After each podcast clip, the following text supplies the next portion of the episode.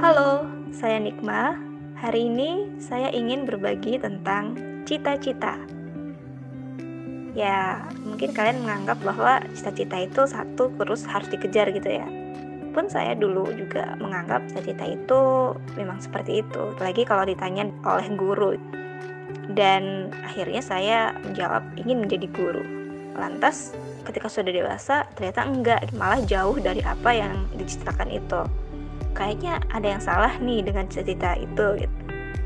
Ya sebenarnya sih tidak ada yang salah ya. Mungkin karena diri saya waktu itu kurang fokus, cepat berubah-ubah, tidak kokoh, tidak terfasilitasi meraihnya menuju ke sana, tidak terbangun sistem untuk meraihnya. Itu memang pikiran saya yang salah dalam memaknai apa itu cita-cita. Dan ternyata ya memang salah juga ya kalau aku pribadi hari ini menganggap bahwa cita-cita itu hanya satu. Cita-cita itu ada musimnya seperti hidup bermusim-musim.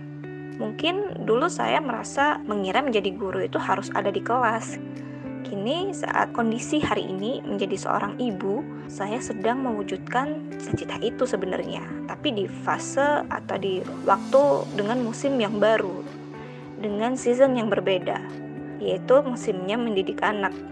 Ya, saya memiliki anak yang perlu saya didik dengan baik, penuh cinta, dan itu tentu perlu tenaga ekstra ya, energi yang besar. Namun tujuannya sama sebenarnya, seperti seorang guru. Ingin ilmunya tersampaikan dengan baik, dengan bijak, entah nanti seperti apa lagi musimnya yang akan saya hadapi. Kalau anak-anak itu kan fase anak-anaknya cuma sebentar ya. Kemudian dia akan beranjak remaja dewasa dan kita melepasnya ya memang hidup itu bermusim-musim jika kini cita-cita yang dulu saya impikan itu dibentuk di saat musim menjadi seorang ibu yang berkiprah di rumah alias ibu rumah tangga mengapa tidak saya bisa mewujudkannya gitu? Faktanya ya mendidik anak itu juga ada waktunya tidak selamanya. Seandainya pun saya ingin menjadi seseorang selain guru misalnya atau profesi yang lain next time bisa kok saya raih jika musimnya sudah berubah yang jelas ketika ekspektasi terlalu tinggi tidak realistis tidak hidup di dunia nyata ya akan semakin jauh diri kita dari cita-cita itu berada maka refleksi diri di sini sangat penting dan sangat tepat untuk meseimbangkan lagi antara ekspektasi dan realita terkini. Jadi hidup memang perlu melihat fakta dan menerimanya sehingga kita tidak baper sendiri. Misalnya mungkin kalian yang saat ini menjadi ibu rumah tangga juga tapi ingin melakukan ini itu sementara anak masih kecil. Ya faktanya realitanya kita masih berada di fase ini di musim sedang berada di kondisi yang tidak memungkinkan ya tidak apa-apa.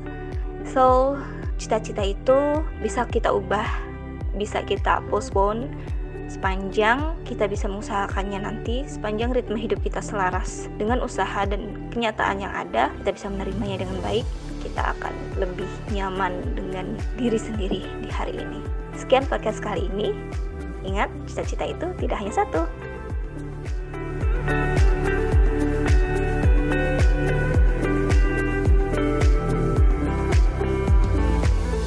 Besok kami akan hadir kembali dengan episode yang baru. Mampir dan dengarkan ya. Karena semua orang bisa menulis dan semua penulis butuh komunitas.